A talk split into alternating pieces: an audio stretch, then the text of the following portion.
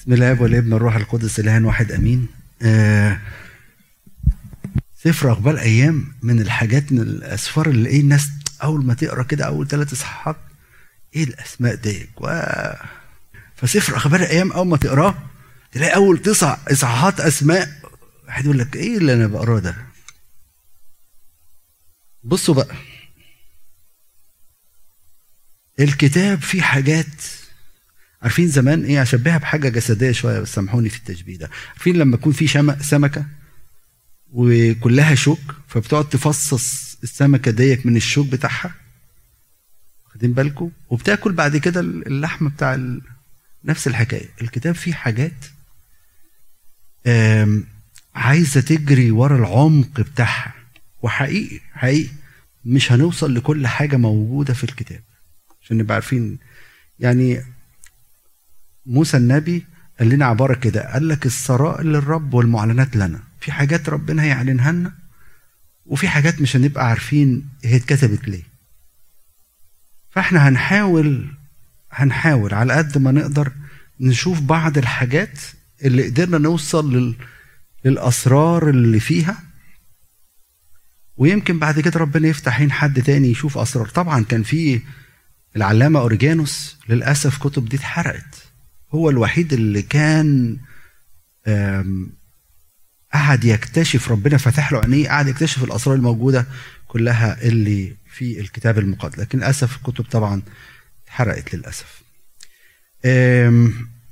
أول حاجة هنلاقيها في سفر أخبار الأيام تعرفوا إن هو سفر أخبار الأيام مش استكمال لسرد تاريخي حصل قبل كده. لا نقدر نشبه سفر أخبار الأيام بسفر التثنية. سفر التثنية ليه سمى سفر التثنية؟ ليه؟ بيسن الوصية بيسن الوصية. فنقدر نسميه كده هو. فهو مش استكمال لسرد تاريخ حصل قبل كده زيه زي سفر التثنية اللي كان بيحكي المراحل اللي مر بيها الشعب بيكررها تاني. وده برضك اللي بيحصل في نفس سفر أخبار الأيام. زي ما قلت لكم أول تسع اصحاحات هتلاقوا فيها أسماء. والواحد أول ما يقرأ الأسماء دي يقعد يفوت يقول لك طب أنا مش فاهم حاجة فممكن يقفل السفر وما يكملش. هنلاقي في رحلة الشعب من بعد ما دخل كنعان لغاية السبي بيحكي كل الحاجات دي كلها. طبعا سواء أخبار أيام أول أو أخبار أيام تاني. طب ليه بيعمل كده؟ ليه بيكتب التاريخ دوت وكتبه لمين؟ تفتكروا. ليه بيكتب التاريخ ده تاني؟ وكتبه لمين؟ حد كده يقدر يجيبها بسهولة؟ أو يفكر كده يجس؟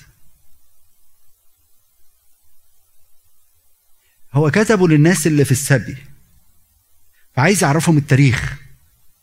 فابتدى يعيد تاني عشان يقول لهم مين دول الشعب التاريخ بتاعكم إيه.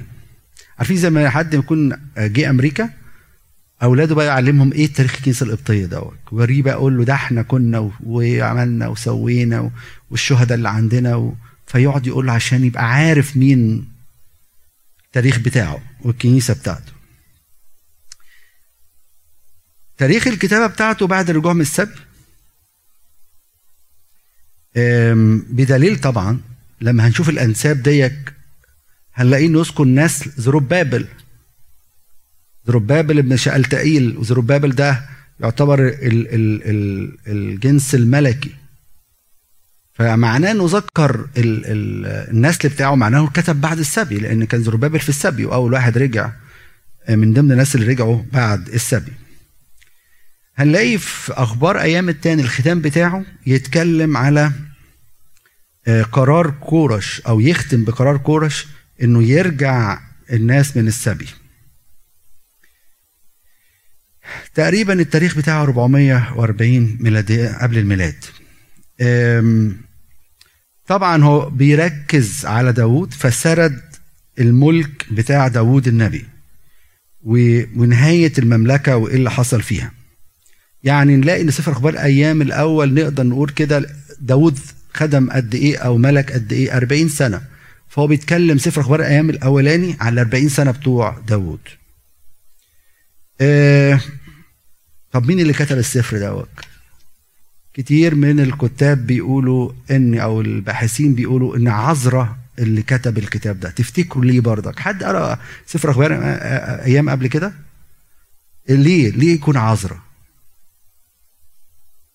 يعني من ضمن الحاجات اللي هتلاقيه ذاكرها 24 فرقة من الكهنوت. فدين واحد كاهن اللي كتب الحاجات دي. فعذرة يعتبر هو اللي كتب السفر دوت هنلاقي إن هو في السفر ده تكرار تاريخي لما حدث في سفر صمويل أول وثاني أخبار أيام أولاني. أخبار أيام التاني يتكلم على ملوك أول ملوك تاني. تكرار تاريخي برضك. بس بطريقة مختلفة زي ما هنشوف دلوقتي. زي ما قلت دلوقتي إنه عذر اللي كاتبه لأن الكتاب دوت أو السفر ده بيركز على الكهنوت واللويين. فدليل إن اللي كاتبه واحد كاهن. عشان كده زي ما قلت لكم يذكر ال 24 فرقة ويذكر اسمائها والترتيبات بتاعتها ودي تفاصيل دقيقة ما يعرفهاش غير واحد كاهن.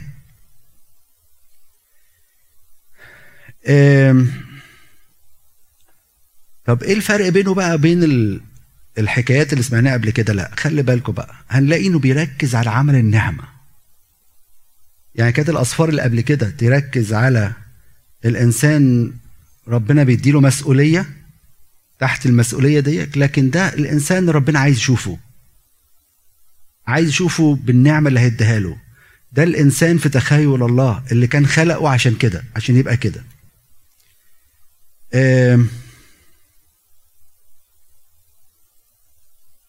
عشان كده هنلاقي وهو بيذكر الأحداث ديت ما بيذكرش الضيقات والمشاكل والمتاعب اللي وقعوا فيها. ما يتكلم عن حياة داود ما يتكلمش عن الحاجات دي تماما. ولو اتكلم عليها يوريك إزاي ربنا حول الشر ده لخير. عايز يوريك عايز يوريك ربنا عايز الإنسان صورة الإنسان اللي عايز يشوفه دوت النعمة اللي هيديها له من غير كل الضعفات. عشان كده مش هيذكر ولا هيركز على أي ضعفات في سفر أخبار الأيام. الأولاني. فهيتغاضى عن الضعفات والضيقات والمشاكل والحاجات دي كلها ويركز على عمل النعمة. وكمان هتلاحظوا اللي قرا السفر قبل كده انه هيركز على ملوك مملكة الايه؟ الجنوب ولا الشمال؟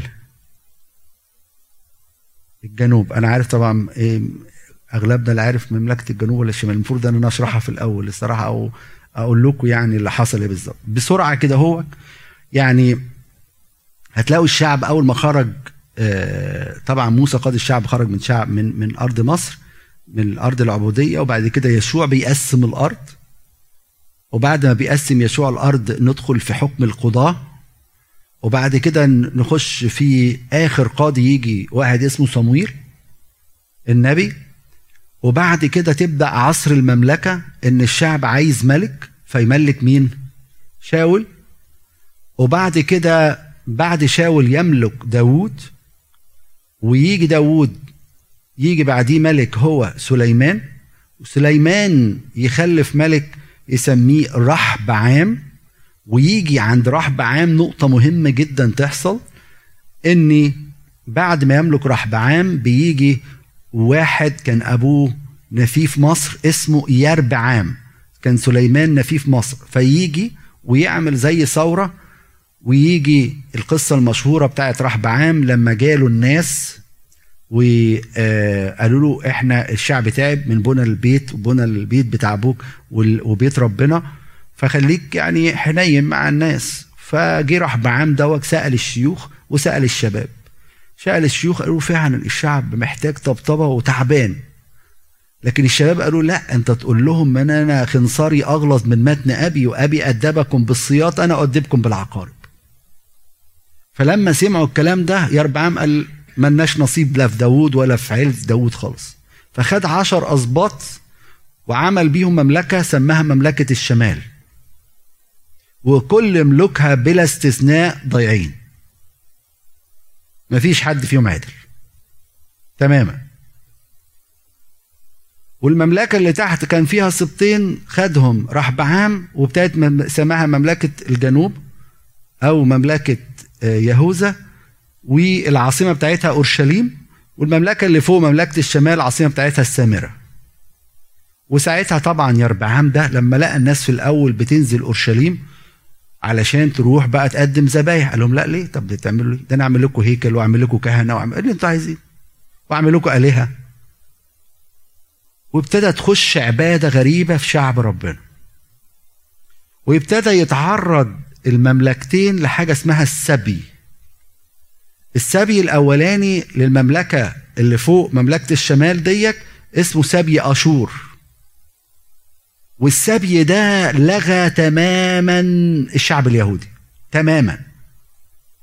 يعني تعرف لو لو لو لو واحد من عشر أسباط ده يعرف النسل بتاعه وسبطه ما تاه تماما. مملكة الجنوب اتعرضت لسبي اسمه مملكة بابل سبى الأسباط أو السبطين الموجودين والجنس الملوكي ده راح للسبي وقعدوا سبعين سنة وبعد كده رجعوا تاني. بس دول حافظوا على الجنس بتاعهم وحافظوا على التسلسل الأنساب بتاعهم. فيجي ان هو لأن دي صورة الله اللي هو عايزها وإن كمان المسيح هيجي من الملوك ديك فيركز على نسل الملوك دي ويركز على الملوك دول بس. لأن دي صورة الإنسان اللي ربنا عايز بيتمناها. أو اللي كان عايز خلق بيها الإنسان عشان كده.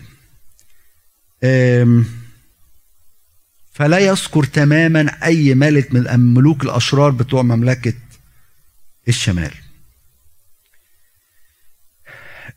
إن كان سفر الملوك يركز على فكرة العرش والمؤامرات اللي حصلت والناس والحاجات دي كلها والضيقات اللي حصلت لكن سفر أخبار الأيام بيركز على فكرة الهيكل.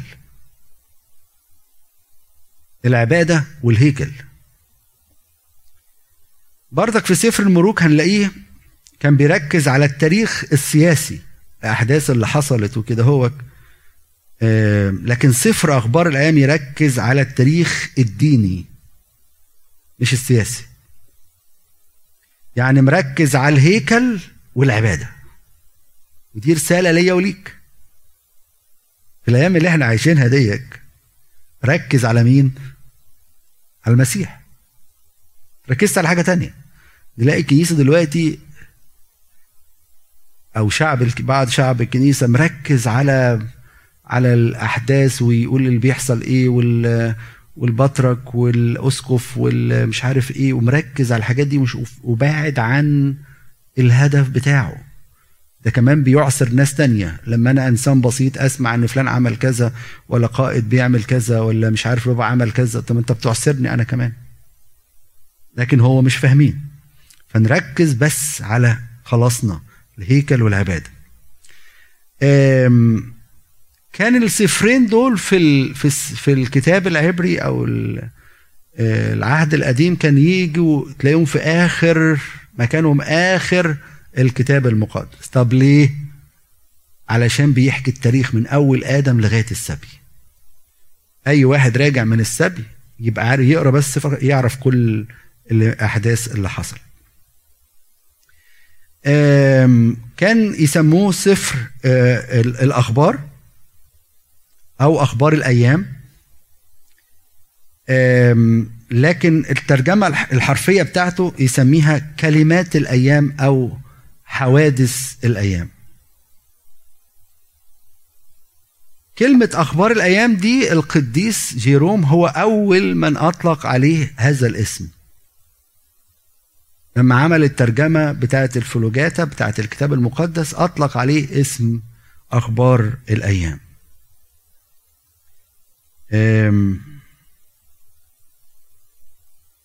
في الترجمة السبعينية بقى كان اسمه إيه؟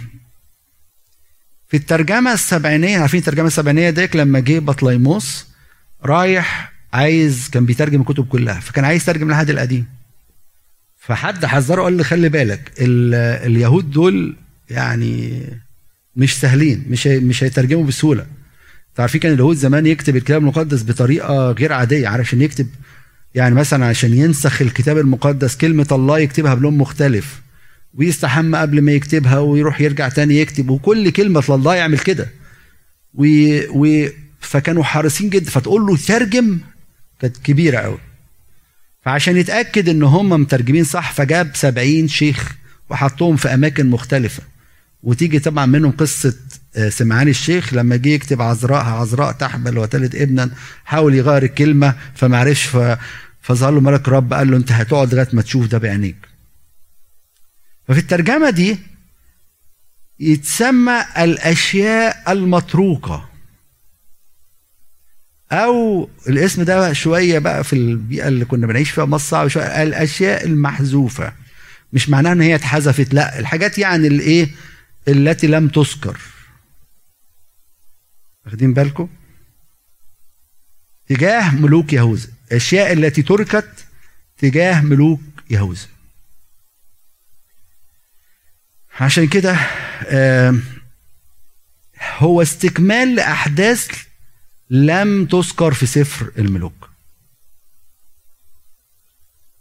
فسفر صمويل وسفر الملوك نلاقي الإنسان بكرر بقى تحت المسؤولية. ربنا بيديله مسؤولية. واخدين بالكم لكن في سفر أخبار الأيام أول وتاني الإنسان في عهد النعمة. أو أو في اللي ربنا عايزه من إرادة الله إيه؟ بالنسبة للإنسان. اللي ربنا عايزه من الإنسان. آه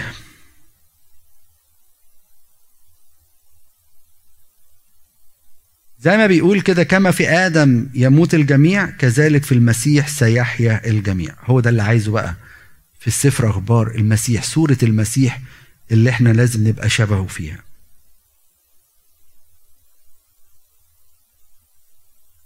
أو صوره الإنسان في عهد النعمة. إحنا دلوقتي لما اتعمدنا إحنا خدنا صوره المسيح. الإنسان الجديد يعني. عارفين لعبة البازل؟ هتلاقي في السفر دوت لعبة البازل. هتلاقي يذكر الأسماء كل القديسين والأنبياء اللي قبل كده وكل واحد فيهم فيه واخد حتة من المسيح.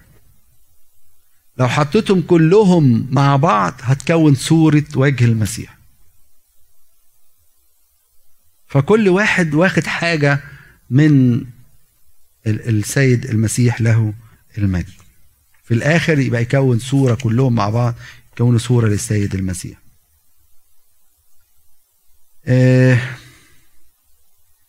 هو بس زي ما قلت لكم بردك بأكد على الفكرة دي إن هو بردك ما يعني هو لم يهتم مش بس بالضيقات والحاجات دي كلها والعصارات يعني مثلا تلاقي في حياة داوود لم يذكر كل المضايقات اللي شاف. يخش على مثلا على إن داوود ملك في حبرون وخلاص ما يقولش أي حاجة تانية.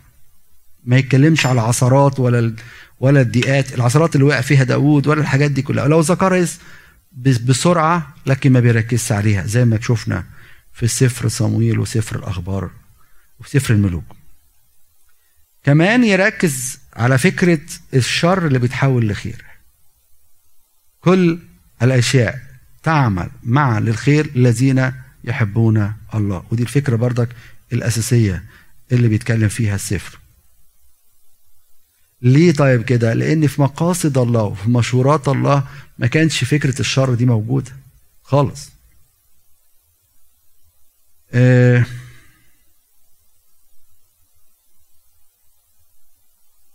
أعيد تاني يبقى بيتكلم على إن عايز الإنسان في مشورات الله عهد النعمة. الشر ده لا يعيق عمل ربنا معانا. ويركز على المملكة والكهنوت أو الهيكل والعبادة. ويركز بردك إن ربنا يقيم مملكة له هو السيد ويقيم مملكة له. والدعامة بتاعة المملكة دي هو الهيكل والعبادة اللي هو طالبهم مننا إحنا ليه. نلاقي مثلا في سفر زكريا يقول لك يجلس كاهنا على كرسيه هي نفس الفكرة المسيح هو الملك ويجلس كاهنا هو الملك وهو الكاهن. وده اللي بيركز عليه السفر بردك فكرة الكهنوت والمملكة. اللي من نوع تاني اللي عايز كمان جعلنا ملوكا وكهنة إحنا كمان. تهتوا مني ولا إحنا ماشيين كده مركزين؟ ماشي. آه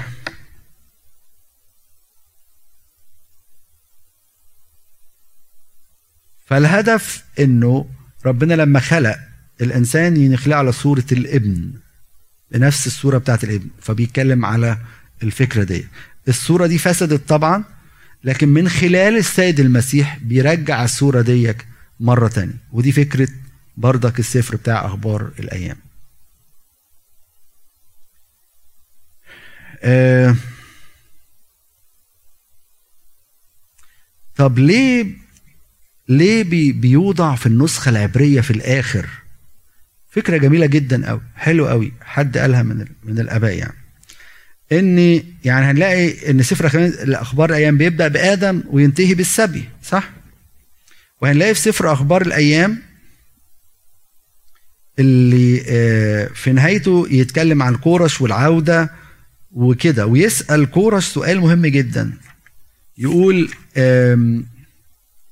آخر كلمة يمكن في سفر أخبار الأيام الثاني من منكم؟ مين هيرجع؟ مين منكم؟ مين هيقدر؟ مين منكم؟ فنلاقي إن يجي إنجيل متى يبدأ بقى يتكلم على مين؟ ميلاد أو الاصحاح ميلاد يس هو ده. هو ده اللي هيرجع الملك. ينتهي بسؤال من منكم هو يقول له بقى الإجابة بتاعته تلاقيها في سفر في إنجيل متى؟ المسيح. ويبدأ بالنسل بتاع المسيح. وبعد كده طبعا نلاقي زيارة المجوس اللي هم أصلا من فارس اللي هم من عند كورش. ويجوا يسألوا أين هو المولود ملك الإيه؟ اليهود. السؤال اللي كان بيسأله كورش. رابطين الحتة دي معايا ولا؟ إيه أقسام السفر؟ بسهولة جدا يعني من واحد لتسعة هنتكلم على أنساب كلها. عشرة يتكلم على نهاية شاول. وبعد كده من 11 ل 21 يتكلم على داوود. الملك وبعد كده من 22 ل 29 الاستعدادات لبناء الهيكل. آه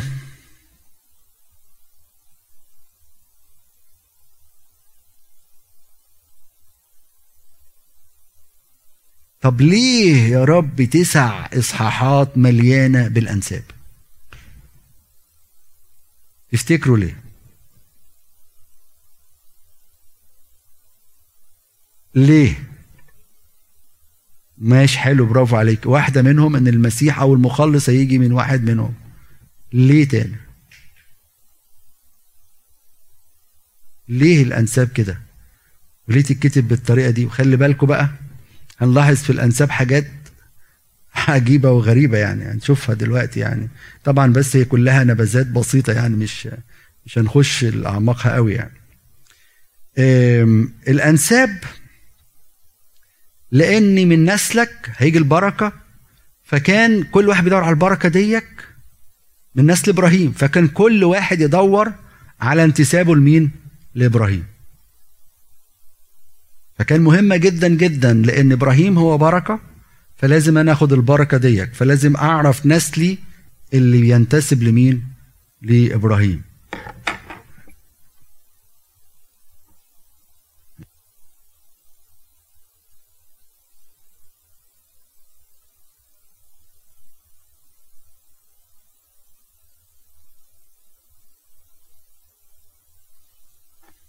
ابونا جون بس يعني حبيبنا يعني. آه الحمد لله على السلامة يعني. آه فالانسال مهمه لأنه عايز يدور على البركة. فلازم أشوف البركة بتاعتي مع مين؟ مع إبراهيم. فأنا مهم جدا أعرف أنا تبع مين عيلتي مين.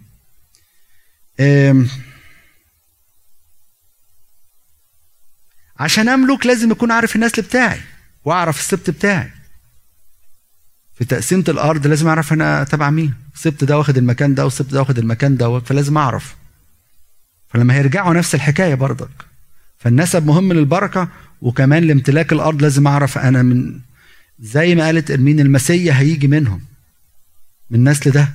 فلازم أعرف النسل بتاعي إن أنا تبع إبراهيم وتبع داوود. مهم جدا جدا. كمان عشان أمارس الكهنوت لازم أثبت إن أنا من سبط لاوي. سبت كهنوتي. ودي كانت حاجة مهمة جدا. فعشان كده قعد يذكرهم الأنساب ديك وقعد تسع إصحاحات عذرة يكتب نسل نسل وابن ميم بطريقة منظمة جدا جدا عشان يقدر يطلع واحد يقول له آه. وكنت أسمع حاجة الصراحة إن بعض ال ال ال الأرثوذكس اليهودي الأرثوذكس تلاقيه في جيبه زي ورقة كده هوك؟ سموها شجرة العيلة. يروح مطلعها كده ويقول لك أنا آخري آه، هو لاوي أنا من سبط لاوي. يعني still بعض الناس لغاية النهارده محتفظة بالحاجات دي آه فعشان يمارس الكهنوت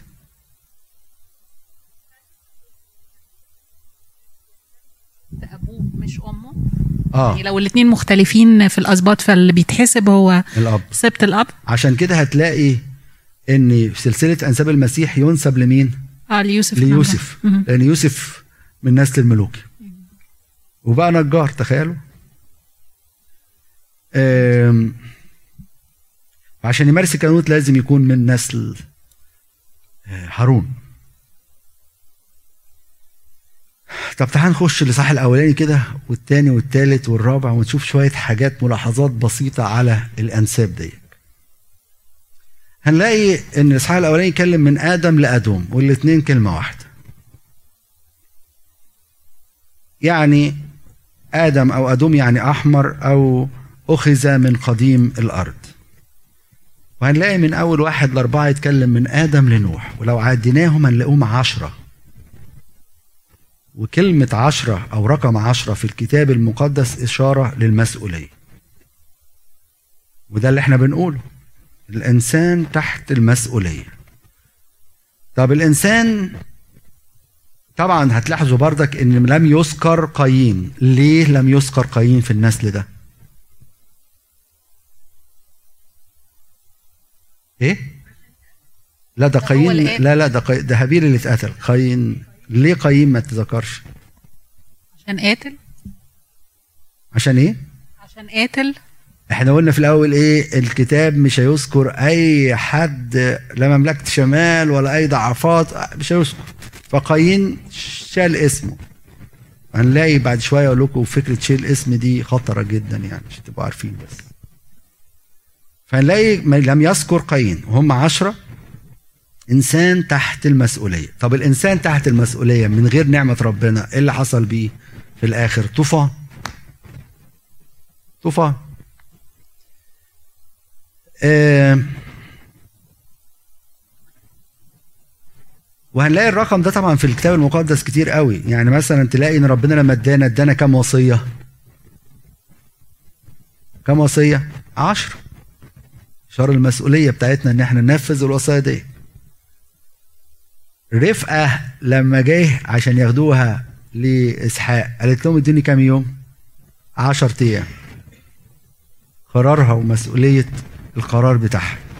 هنلاقي دانيال والثلاث فتية لما جيت طلب منهم إن هم لما هم طلبوا إنهم يأكلوش من قطايب الملك قال له ادينا فرصة قد إيه؟ 10 أيام. جربنا 10 أيام. وشوف إحنا هنعمل إيه بعد العشر أيام دول. واشاره للمسؤولية. هنلاقي من آدم لنوح. في حاجة مشتركة بينهم. حد عارف؟ مين شاطر كده؟ يلا في هدايا أهو. جوزفين وإرمين هيطلعوا هدايا.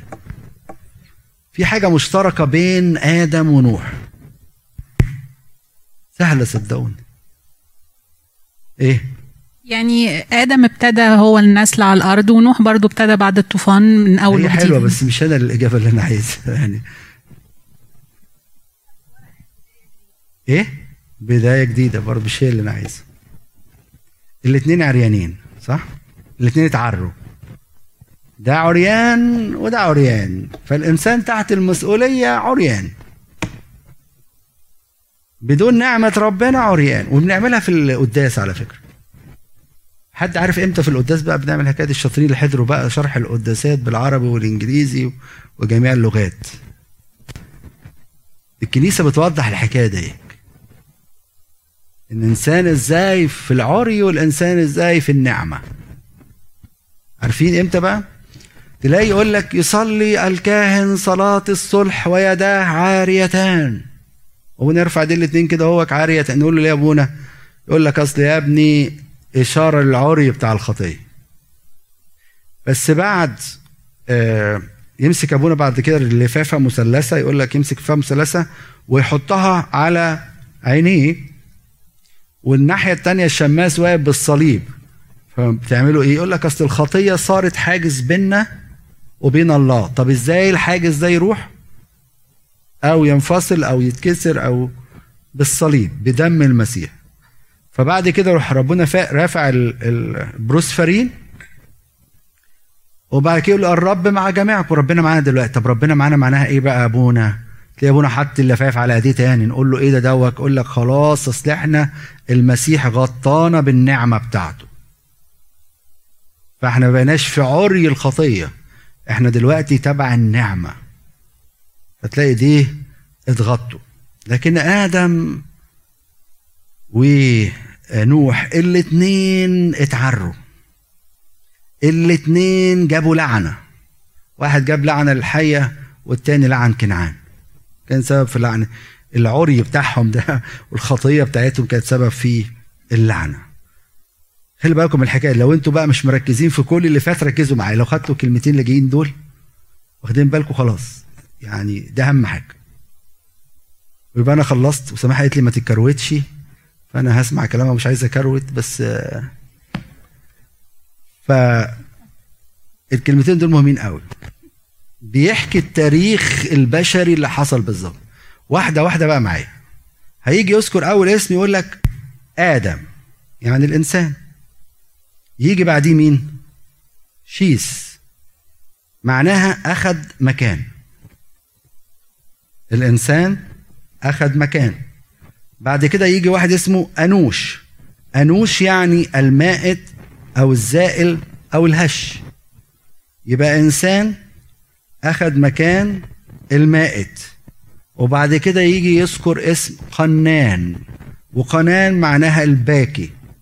يبقى إنسان أخذ مكان المائت فصار باكيا. دي صورة الإنسان في العري.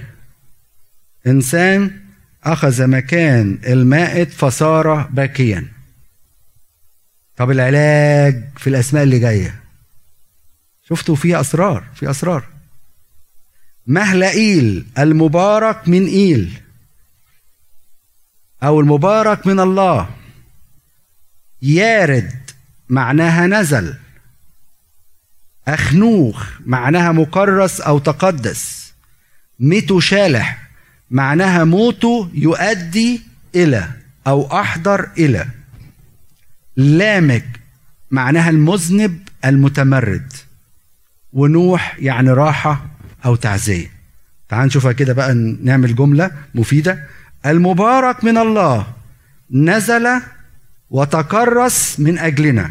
مات وموته أحضر إلى المذنب المتمرد اللي هو الإنسان. تعزية وراحة. صعبة صح؟ فأول عشر أسماء بيحكوا لنا المرض. ويحكوا لنا الإيه؟ الحل. أول أول خمسة وتاني خمسة. أول خمسة قال الإنسان أخذ مكان المائت فصار باكيا. العلاج بقى في الأسماء اللي بعديها إن المبارك من الله نزل تكرس اللي هو أخنوخ يعني تكرس من أجلنا مات وموته أحضر إلى المذنب أو المتمرد تعزية وراحة. فأول عشر أسماء بيحكي قصة حياة البشرية وما حدث فيها قصة الخلاص كله. لو طلعتوا بالأول أربع آيات دول خلاص كده أنا خلصت أخبار الأيام بقى وخلاص. شوفوا سفر المرة الجاية.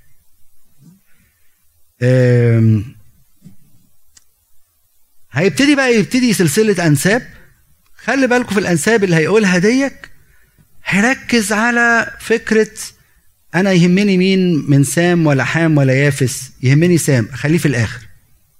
يهمني مين من الأسباط يهوذا؟ خليه في الآخر. يهمني مين من النسل بتاع إبراهيم؟ نسل إسحاق.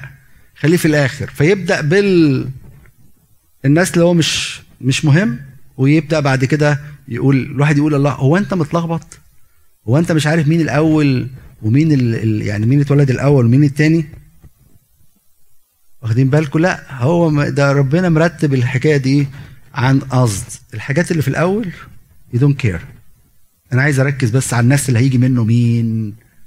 المسيح اللي أنا بتكلم عليه دلوقتي اللي هو سبب خلاصي وخلاصك. آه، فيجي يتكلم سام وحام ويافس المفروض يبدأ بسام. نلاقيه يبدأ بإيه؟ نسل. يافس. وياخد نسل يافس في الأول. من خمسة لسبعة وبعد كده بنو حام من 8 ل 16 وبعد كده بقى يأزأز بقى بمنو سام اللي هو الناس اللي عايز يركز عليه. ويجي يذكر بردك إسحاق وإسماعيل ونسأل نفسينا هو ليه هيذكر إسماعيل؟ ليه؟ ما إحنا قلنا مش هنذكر الناس اللي هم وإحنا ودون كير بيهم. قال لك لا أصل إسماعيل خد بركة وربنا قال له هباركه فلازم ي... لازم يذكر لأن هبات الله بلا ندامة. حطوا الكلمة دي في ودنكم. هبات الله ونعمته بلا ندامة.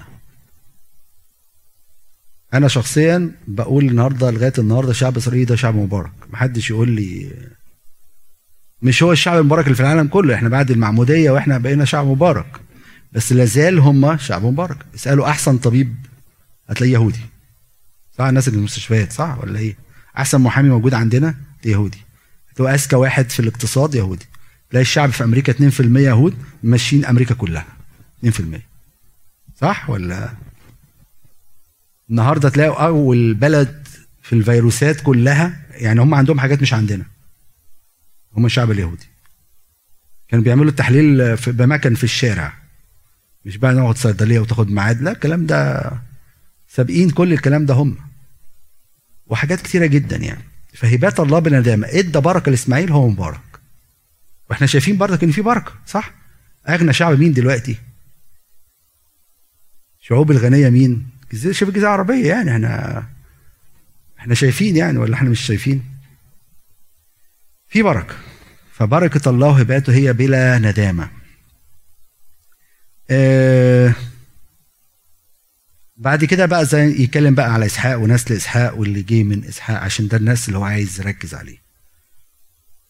فزي ما قلنا في أولاد نوح يترك سام في الآخر. لأن ده النسل اللي هو هيهمه. هو يركز على النسل اللي هو في الأول اللي هو يعني مش مش مهم بالنسبة له وبعد كده يركز على النسل بتاع آه سام. وده حتى نلاقيها في رسالة معامله برسل الرسول يقول لك ليس الروحاني اولا بل الإيه؟ الحيوان. وبعد ذلك الروحان. فهو ماشي بالمبدأ دوت في سلسلة الأنساب. فيتكلم على بني يافس اللي سكنوا في الغرب وخلي بالكم الغرب والشرق والجنوب بالنسبة لشعب إسرائيل. عشان بس نبقى فاهمين. اتجاهات بالنسبة لشعب إسرائيل. شعب إسرائيل هنا يبقى الغرب بتاعهم اللي هم يافس هم أوروبا. وطبعا يفتح الرب لمين ليافس ولغايه النهارده أوروبا يعني ما شاء الله زي ما أنتم شايفين يعني. هبات الله بلا ندامه عشان كده على فكرة نوح لعن كنعان ما لعنش ابنه مع إن كنعان ملوش دعوة لأن ابنه خد بركة فما ينفعش يلعنه لأن هبات الله بلا ندامة. يجي بعد كده يتكلم على على بنو حام اللي هم 31 أمة ويتكلم إن هم في الجنوب. وده يعني كنعان ومصر يعني الناس ال... ال... برضك شعب إسرائيل. وبعد كده يتكلم على بنو سام. اللي هو بيركز عليهم 26 أمة. ومنهم طبعا ليه ركز على انه هيبقى منهم شعب إسرائيل. ودول كانوا في الشرق برضك بالنسبة لشعب إسرائيل. بعد كده في برضك في الإصحاح ده يتكلم من 24 ل 28 يتكلم على النسل بقى من سام لغاية إبراهيم. يعني الناس يلاقيهم برضك نلاقي 10 أجيال. يركز على فكرة العشرة برضك هنا آه بعد كده يتكلم عن نسل إبراهيم من قطورة. كل ده برضك هو مش بيذكره بس عشان لأن إبراهيم بركة فكل هيجي منه بركة. وبعد كده عايز إيه؟ مش عايز يحصل ميكس كده يحصل مزج بين الجنس اللي هو عايز يركز عليه اللي هيجي منه المسيح وأي جنس تاني. عارفين زي ما زي ما مسألة حسابية يقعد يطير يطير عشان يوصل للحاجة المهمة في الآخر. ويجي يتكلم عن نسل إبراهيم من سارة وبرضك يذكر نسل عيسو ويختم بملوك أدوم وينتهي بأدوم. الإصحاح الثاني يركز على يهوذا. أنا ما أعرفش طبعا الوقت كده خلص ولا إيه. كام دقيقة؟ ناس 15 دقيقة كمان؟ إيه ده ده أنتوا أنا افتكرت 8 و الاصحاح الثاني يركز على يهوذا وإحنا بنقرأ هنلاقي يجي يقف عند شخصيات معينة. وإنت بتقرأ سفر أخبار الأيام اقرأ الشخصيات ديك وركز عليها. أول شخصية يقول لك عير. ويقول عنه كلمة صعبة. وكان عير شريرا في عيني الرب. فاماته لما أقرأ حاجة زي كده أقول لو ربنا كتب عليا في سفر الأخبار أيام بتاعي هيقول إيه؟ هيقول عليا إيه؟ هل هيقول عليا شرير؟ ولا هيقول عليا إيه؟ لما المسيح جه اتكلم على آه، هيرودس قال عليه إيه؟ اذهبوا قولوا لهذا ثعلب مسيح هيكتب عني إيه في كتابه. المسيح كتب عن يوسف النجار أنه كان رجلا بارا. طب أنا هيكتب عليا إيه؟ فيجي يذكر كده هوك الله بس ده من نسل يهوذا. يعني مفروض يكون شخصية كويسة. وإحنا قلنا مش هنتكلم على الضعفات. عايز يقول لي ويقول لك مش معناها انك اتعمدت وبتخش الكنيسة وبتروح الكنيسة انك يعني خلصت. لا. خليك تمموا خلاصكم بايه بخوف ورعب. اوعى تعتمد أصل أنا كل حد باجي الكنيسة أنا بجيب عيال الكنيسة وخلاص عملت اللي عليا. لا.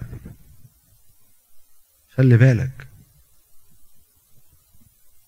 الأباء كانوا يعلمونا يقول لك ادينا يا رب صلاة كده يصلوها ادينا يا رب نهاية صالحه نهاية صالحه ناس بدأوا بالروح وكملوا بالجسد زي شاول.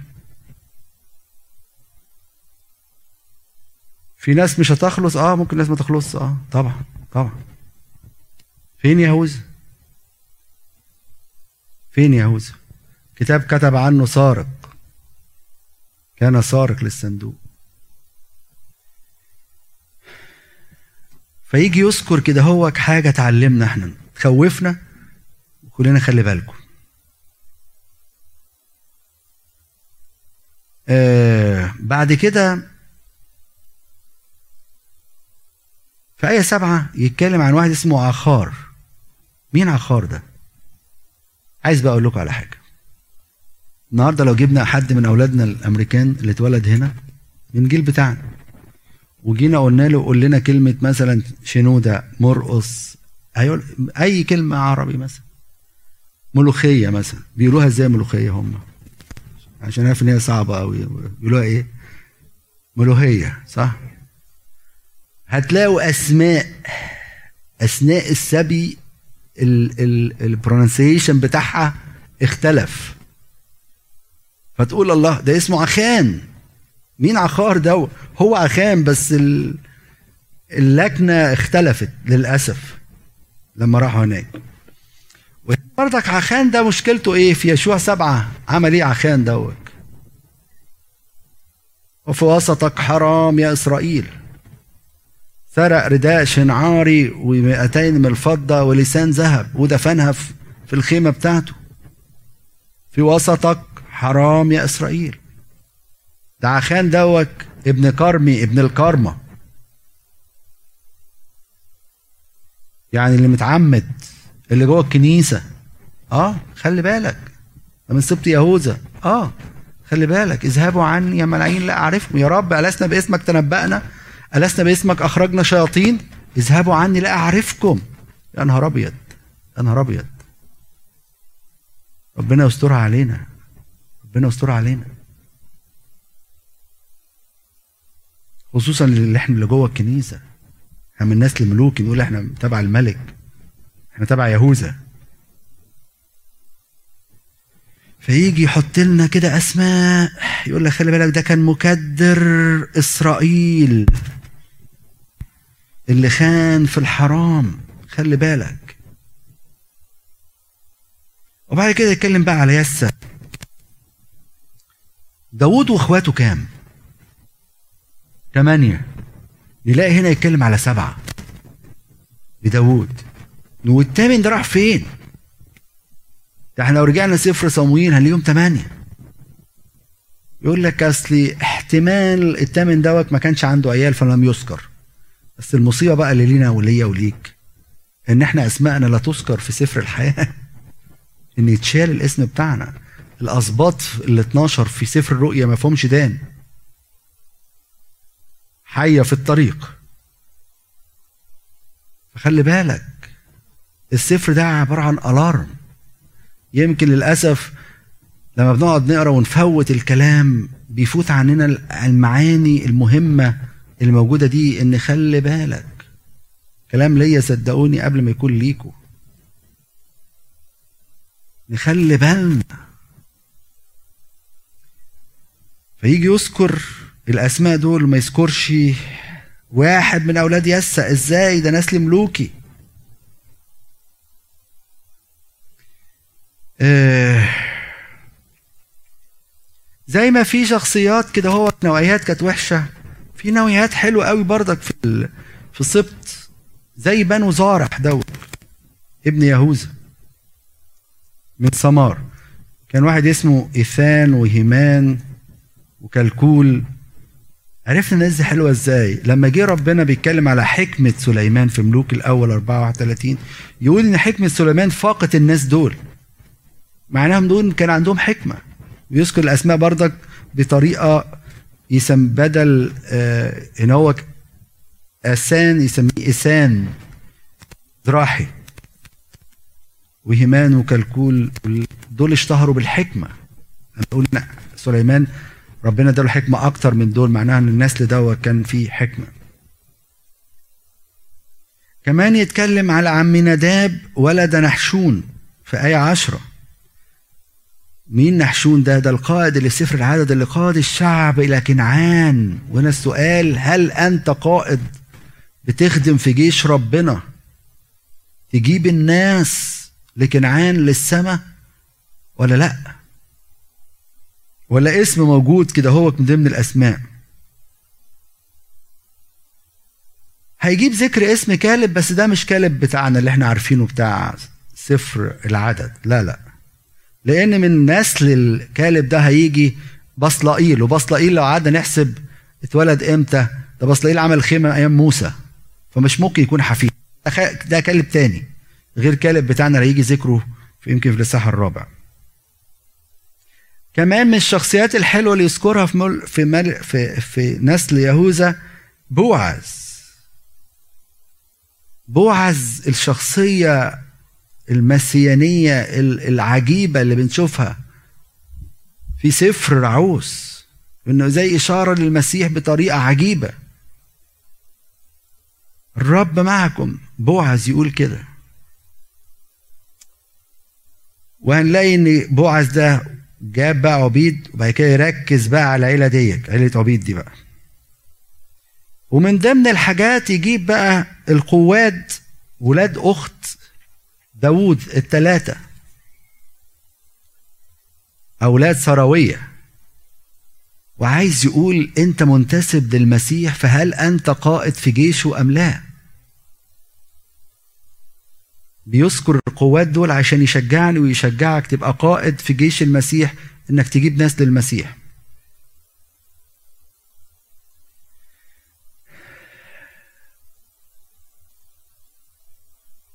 في وقت كده نكمل؟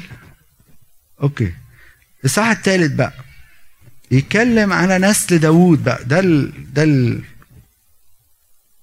ال- ال- ال major بتاعنا بقى. نسل داود بقى يتكلم إن هو فين؟ يبدأ إنه ملك في حبرون. ما يذكرش أي حاجة تاني. ليه حبرون دي؟ إيه حبرون دي؟ بصوا الحبرون ديك تملي في العهد القديم تلاقي حبرون الصحبة. الاصدقاء اللي بيدعمونا في الطريق. ليه بقى؟ هتلاقي فيها القبر بتاع المكفيلة اللي مدفون فيها إبراهيم وسارة وإسحاق ورفقة ويعقوب وليئة في المكان دوت الصحبة. وانت في الغربة بتاعتك في ناس بتشجعك معاك في قديسين حواليك. لنا سحابة من الشهود هذه مقدارها. انت مش لوحدك. فيبدأ بحبرون. وكمان يقول لك خلي بالك في نوع من الموت سواء الموت بقى انك انت تعبر اللي هو الانتقال بفكر كنيستنا من هذا العالم العالم الآخر أو فعل الإماتة الداخلي اللي يقول عنه معلم بولس الرسول في رسالته لكلوسي في إصحاح ثلاثة ان إنكم قد متم مع المسيح اللي عمله انبا انطونيوس لما لقى أبوه مات قال له أنت مت عن العالم بغير إرادتك لكن أنا سوف أموت عن هذا العالم بإرادتي. عشان تتمتع بالنعم بتاعت الملك لازم تعيش فعل الإماتة ده. تموت عن العالم وشهوات العالم. حاشا لي أن أفتخر إلا بصليب يسوع المسيح الذي صلب العالم لي وأنا للعالم. أنا بقيت للعالم مصلوب. بقيت للعالم ميت. ما يهمنيش الأمور بتاعت العالم. ما يهمنيش الأمور بتاعت العالم. لا يهمني مراكز ولا يهمني فلوس ولا يهمني مش عارف ولا أي حاجة.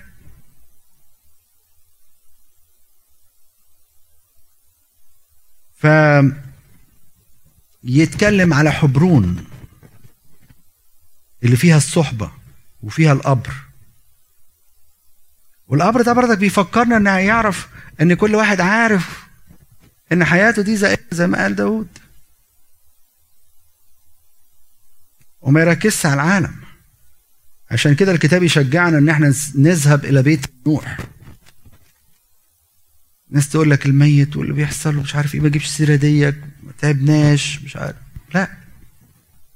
ما ده عبارة عن ألارم. اصحى أنت النهارده موجود بكرة مش موجود. فين الناس اللي كانوا قبلك؟ فين؟ في حبرون بردك هنلاقي يوسف راح يفتقد إخوته.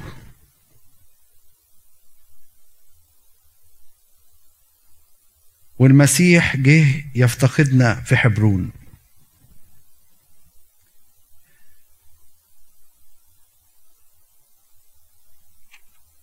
إحنا سقطنا من الحياة الأبدية زي ما في القداس لكن المسيح جاي يفتقدنا زي ما افتقد يوسف إخوته.